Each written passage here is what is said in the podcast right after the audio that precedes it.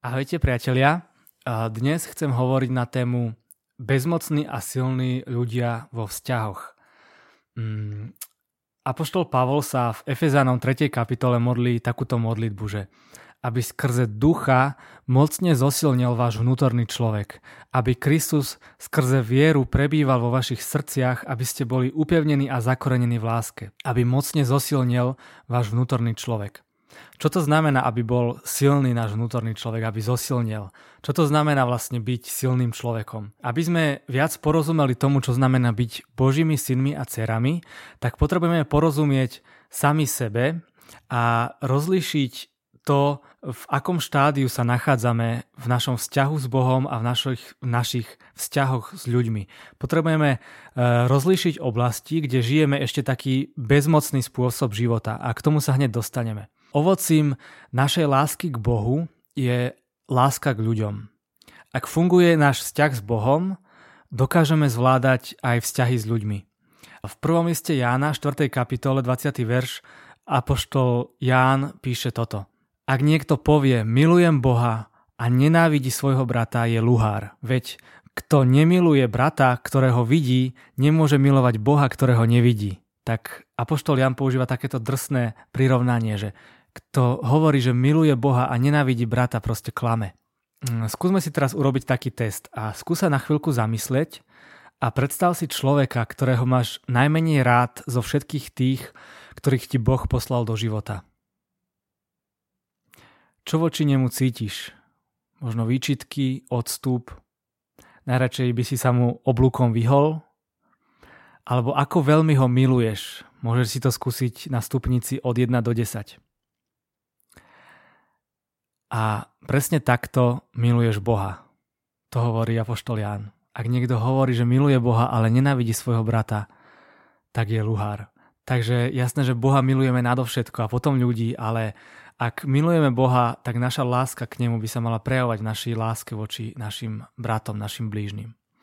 Čiže cez vzťahy s ľuďmi sa ukazuje aj náš vzťah s Bohom. Ak chcete vidieť ľudí, akí majú vzťah s Bohom, tak sa pozrite na ich vzťahy s ľuďmi. Či sa im e, rozpadajú, či to nezvládajú, či sú plné nenávisti a neodpustenia, alebo či sú plné lásky, úprimnosti, otvorenosti. Verím tomu, že každý z nás, ak sme ku sebe úprimní, tak si uvedomuje, že ešte máme naozaj na čom pracovať aj v našom vzťahu s Bohom. A teraz by som chcel hovoriť o vzťahoch medzi ľuďmi. Ak máme žiť pevné vzťahy, ktoré sú zakorenené v láske, potrebujeme pochopiť, že náš vzťah je rozhodnutie bezpodmienečne milovať toho druhého. My sa často rozhodujeme milovať tých, ktorí nás milujú naspäť. Čiže naša láska voči iným ľuďom je väčšinou ovplyvnená ich láskou a priazňou ku nám. Ale Ježíš nás učil bezpodmienečnej láske. On sám urobil toto. On povedal, že nie, vy ste si vyvolili mňa, ale ja som si vyvolil vás. Je to Ján 15. kapitola 16. verš. Sám Boh sa rozhodol milovať nás, keď sme boli v tom najhoršom stave. Boli sme v stave hriechu, čiže inými slovami v nepriateľstve voči Bohu. Boli sme v nepriateľstve s Bohom a v tomto nepriateľstve sa Boh Ježiš rozhodol nás milovať. Povedal, nie vy ste si vyvolili mňa, ale ja som si vyvolil vás. Ak budú naše vzťahy založené na podmienke, že ja ťa milujem iba vtedy, keď ty ma miluješ naspäť, tak budeme mať v našich vzťahoch veľké problémy. A vidíme to často aj dnes, že sa rozpadajú rodiny, manželstva, sú narušené vzťahy dokonca aj v rámci rodín a nedokážeme nejakým spôsobom zvládať vzťahy. A ak chceme kvalitné a trvalé vzťahy, tak sa potrebujeme naučiť prevziať zodpovednosť za naše rozhodnutia. Potrebujeme sa rozhodnúť urobiť záväzok alebo takú zmluvu v tom vzťahu a rozhodnúť sa, že ja ťa budem milovať, aj keď sa nebudem cítiť milovaný. A takto sa dajú žiť trvalé vzťahy. Často v našich vzťahoch sa správame ako bezmocní ľudia. A chcem teraz dať takú definíciu, že čo znamená bezmocní ľudia v zmysle bezmocný zvládať vzťahy. A chcel by som, aby sme si každý z nás uvedomili takú tú našu bezmocnosť eh, v týchto vzťahoch. Aby sme si uvedomili, že na čom ešte môžeme pracovať, eh, kde ešte sa môžeme zlepšovať, dokonalovať, kde ešte sa správame ako bezmocní ľudia. Napríklad bezmocní ľudia používajú často tieto frázy. Ja to nedokážem, ja musím, nemôžem to urobiť, lebo je to príliš ťažké. Alebo musím chodiť do školy, musím pomáhať, musím pracovať, musím sa stretnúť s tým a s tým človekom. A tým v podstate vyjadrujú toto, že cítim sa bezmocne prevziať zodpovednosť za moje skutky, takže niečo iné alebo niekto iný ma núti to urobiť. Preto používam slovičko musím. A často používajú frázu, že skúsim, pokúsim sa, uvidím. Pretože nedokážu urobiť záväzok, nedokážu urobiť sľub, nechcú sa viazať sľubom alebo záväzkom alebo zmluvou. Predstavte si napríklad, že na sobáši poviete v tej časti, kedy si máte povedať svoje áno, tak kňaz sa spýta, že berieš si ju ako manželku a ty povieš skúsim, uvidím, pokúsim sa. Ako by to vyzeralo? Tam má miesto áno alebo nie. A my často používame toto vyjadrenie, že skúsim, uvidím, pokúsim sa. A toto vyjadrovanie je zakorenené v bezmocnosti a pochybnosti uveriť, že mám dosť síly zvládnuť to. Inými slovami, cítim sa vnútri bezmocne a presne preto sa Apoštol Pavol modlí, aby mocne zosilnil náš vnútorný človek. Bezmocní ľudia sú ovládaní úzkosťami, obavami, strachmi. Ich život je strašný, keď sú bezmocní. Keď žijete vo svete, kde väčšina vecí a ľudí okolo vás je mocnejšia ako vy, tak tá predstava je hrozivá, keď je život mimo vašu kontrolu. Bezmocní ľudia často používajú strach a manipuláciu vo vzťahoch. Bezmocní ľudia majú veľkú potrebu potláčať a utíšiť ich neustály strach, ktorý zažívajú vnútri. Strach zo straty, z bolesti, smrti, z opustenia. A keďže nemajú sami dostatočnú silu jednať so svojím vlastným strachom, ich jediná nádej je presvedčiť iných ľudí, aby to urobili za nich. Aby sa cítili bezpeční, tak potrebujú iných ľudí, aby im dali zo svojej sily. E, bezmocní ľudia potrebujú iných ľudí na to, aby ich chránili, aby ich robili šťastnými alebo aby prevzali zodpovednosť za ich životy. Jediný spôsob, ako títo bezmocní ľudia vedia, že iní ľudia to pre nich urobia, tak je, že ich budú ovládať alebo manipulovať. A spôsob ich manipulácie môže byť agresívny alebo pasívny, taký nenapadný, tichý. Ale koreň celého toho ich problému je len jeden a to je ich strach. Bezmocní ľudia pristupujú ku vzťahom ako konzumenti.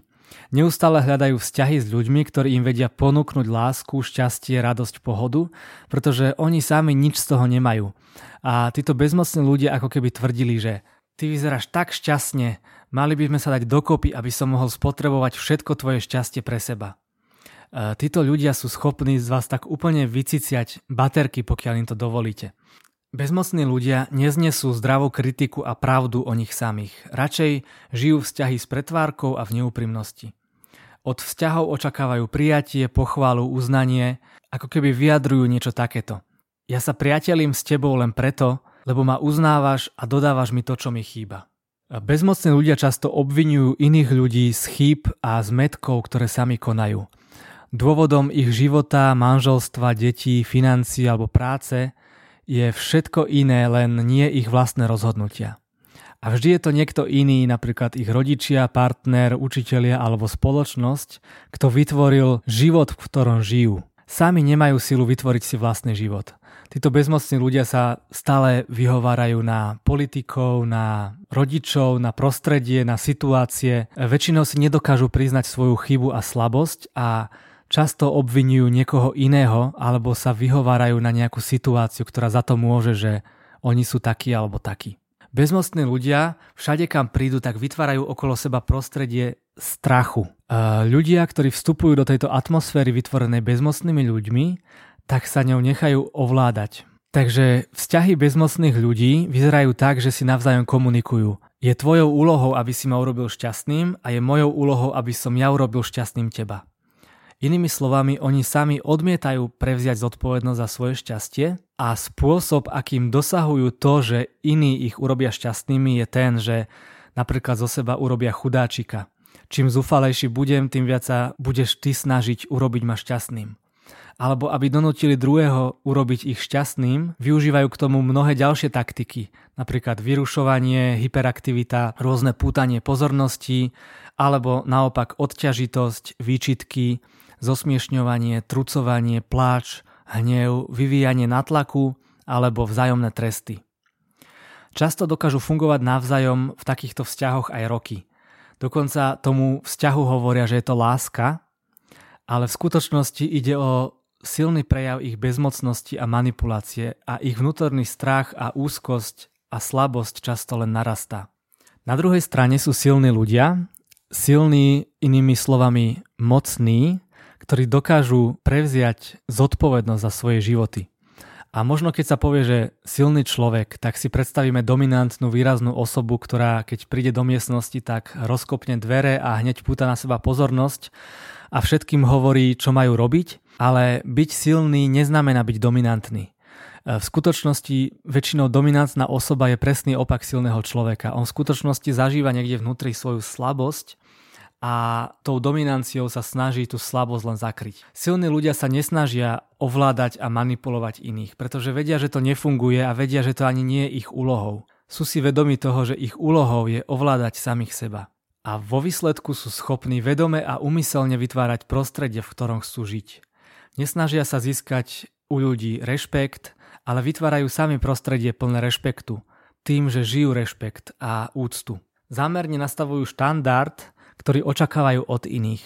Tým, že neustále konajú spoľahlivo a s rešpektom a s láskou, tak všetkým ľuďom je jasné, že priblížiť sa k ním môžu jedine ľudia, ktorí vedia, ako rešpektovať, ako byť zodpovední a ako sa správať s láskou. Silní ľudia odmietajú byť obeťou iných. Silní ľudia nie sú ovplyvnení alebo nakazení prostredím okolo nich, ale sami vytvárajú toto prostredie. Silní ľudia vyžadujú, aby aj ľudia okolo nich sa stali silnými. Keď stretnú bezmocného človeka, tak nemajú pokušenie podľahnuť ich vplyvu. Vypočujú si ľutujúce príbehy týchto bezmocných ľudí, ale ich otázka smerom k bezmocným ľuďom je, že tak čo s tým urobíme, čo si už skúsil, čo by si ešte mohol skúsiť. A tieto otázky konfrontujú slabých ľudí s ich zodpovednosťou a kapacitou robiť rozhodnutia a kontrolovať seba samých. Takže jediná možnosť, ktorú vedia dať silní ľudia slabému je, že Staň sa aj ty silným, rob rozhodnutia za seba a kontroluj sám seba. Bezmocný človek buď začne žiť ako silná osoba, alebo si nájde iného človeka, na ktorého zase všetko vysype. Silní ľudia dokážu prevziať zodpovednosť za svoje rozhodnutia a ich následky. Dokážu prevziať zodpovednosť aj za svoje chyby a zlyhania. Dokážu si priznať svoju chybu. Dokážu odpovedať na dnešok, aby vytvorili zajtrajšok. Silní ľudia majú víziu a misiu pre každý deň a využijú všetky udalosti dňa, či už pozitívne alebo negatívne, aby sa ku tejto svojej dennej vízii a misii nasmerovali.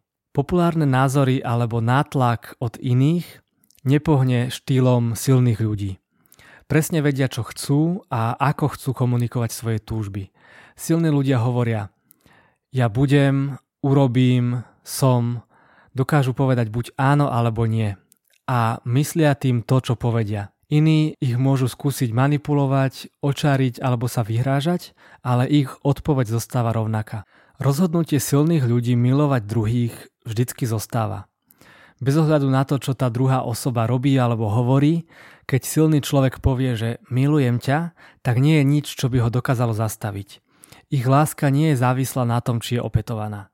Jediné, na čom je závislá, je ich silná schopnosť povedať áno a schopnosť niesť toto rozhodnutie. A toto ich chráni od vonkajších síl a ovládania inými. Silní ľudia dokážu byť tým, čo o sebe tvrdia, že sú. Dokážu byť samými sebou a pozývajú aj ľudí okolo seba, aby boli tiež sami sebou. Silní ľudia dokážu vytvárať bezpečné miesto dôverného spoznávania sa alebo takého dôverného budovania vzťahov. Tvrdia, že ja môžem byť pri tebe a ty môžeš byť pri mne, môžeme byť navzájom vo svojej blízkosti, ale nepotrebujeme ani sa nechceme navzájom kontrolovať alebo ovládať jeden druhého. Môžeme mať spoločné dohody, založené na rešpekte a úcte, v ktorých obidvaja pracujeme na ochrane nášho vzťahu. Zostávame spojení silou lásky, ktorú sme si vybudovali, nie ilúziou, že ja ťa môžem ovládať alebo že ty potrebuješ záchrancu. Ty si zodpovedný za svoje rozhodnutia, za svoje šťastie a ja som zodpovedný za moje rozhodnutia a moje šťastie. Takisto byť silným neznamená mať vždy okamžitú odpoveď alebo názor na konkrétnu otázku alebo požiadavku. Silní ľudia vedia, čo je v ich silách. Vedia, čím si potrebujú prejsť, aby zaujali požadované stanovisko. Napríklad ich odpoveď je Dobre, potrebujem 3 dní a dám ti odpoveď. Alebo potrebujem si overiť to a to a dám ti o hodinu vedieť. A ľudia okolo nich sa vždycky cítia bezpečne a vždycky vedia, na čom sú. Komunikácia silných ľudí je jasná, pravdivá, asertívna a zrozumiteľná. Možno ste si zažili to, že niekedy ste potrebovali od iného človeka nejakú službu alebo nejakú informáciu vedieť a očakávali ste odpoveď áno, nie alebo niečo konkrétne. A namiesto toho ste dostali odpoveď možno, asi, neviem, a nie je nič horšie, ako počuť takúto odpoveď, kedy vy potrebujete vedieť, na čom ste, ale v podstate neviete. Silní ľudia si sami určujú svoje priority. Prakticky to znamená, že silní ľudia dokážu chodiť na čas. Keď vám povedia, že o 5 tam budú, tak tam naozaj o 5 budú a neprídu o 10 minút neskôr. Dokážu dodržať svoje slovo, dokážu si stať za svojimi rozhodnutiami. Ale zároveň dokážu byť slabí a zraniteľní, dokážu si priznať svoju chybu ale vždy ľudia okolo nich cítia bezpečie. Napríklad pri konfrontácii a riešení konfliktov slabí ľudia majú väčšinou potrebu sa obhajovať alebo očierňovať druhú stranu alebo sa vyhovárať na druhých. A silní ľudia majú dostatočnú sebareflexiu. Nemajú potrebu si násilu dokazovať, že sú v práve. Hovoria za nich ich činy alebo ich skutky a uvedomujú si často, že čas ukáže pravdu. Takže povedali sme si, ako vyzerá správanie slabých ľudí alebo bezmocných ľudí a povedali sme si, ako vyzerajú silní ľudia a ich správanie. Otázka je, že oblasti, v ktorých sa cítime bezmocní a slabí, tak ako sa stať z nás bezmocných ľudí silným človekom? Tak v prvom rade potrebujeme si uvedomiť oblasti, v ktorých sme bezmocní. Ďalšia vec, ktorú potrebujeme urobiť, je prísť na to, že čo nás robí bezmocnými. Často to môžu byť klamstvá, ktorým sme o sebe uverili.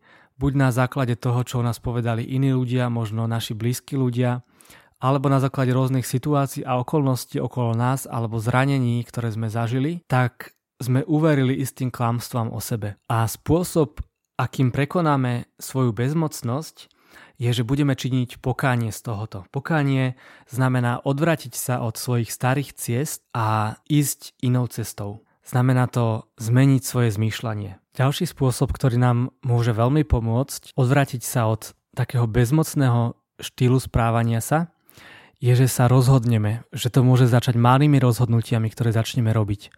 Napríklad sa rozhodneme ráno vstávať v určitú hodinu alebo si dáme záväzky, že budeme čítať Bibliu alebo nejakú knihu pravidelne a malými krôčikmi, malými rozhodnutiami tak upevňovať nášho vnútorného človeka, nášho ducha. Ako sa Apoštol Pavol modlí, aby skrze ducha mocne zosilnil váš vnútorný človek.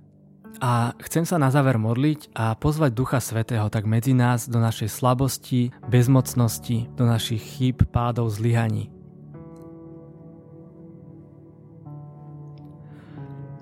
Bože, ďakujem Ti, že nás učíš, ako byť silnými a mocnými ľuďmi.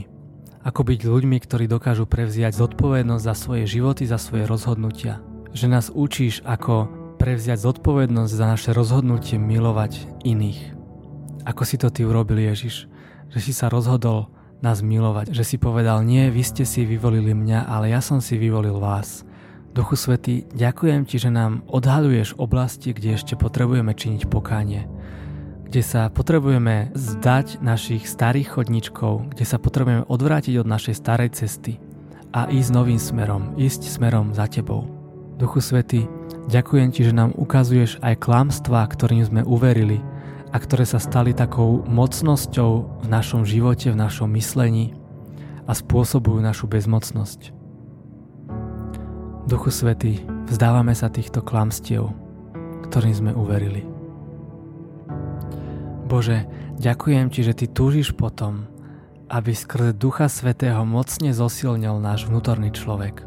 Tak sa chceme teraz odvrátiť od našich starých ciest, od klamstiev, ktorým sme uverili a ktoré tak ovládali naše životy. tak ti teraz odovzdávame tieto klamstva a vzdávame sa ich. Duchu Svety, ukáž nám, čo nám dávaš miesto tohoto klamstva. Že nie sme dosť dobrí, že nie sme dostatoční. Príjmame Tvoju pravdu o nás. Ďakujeme Ti, Bože, že nás prevádzaš na tejto ceste, v tomto procese, kedy sa túžime stať silným človekom, ktorý robí silné rozhodnutia. Bože, pomôž nám robiť záväzky, pomôž nám robiť rozhodnutia, pomôž nám byť silnými a odvážnymi. Amen.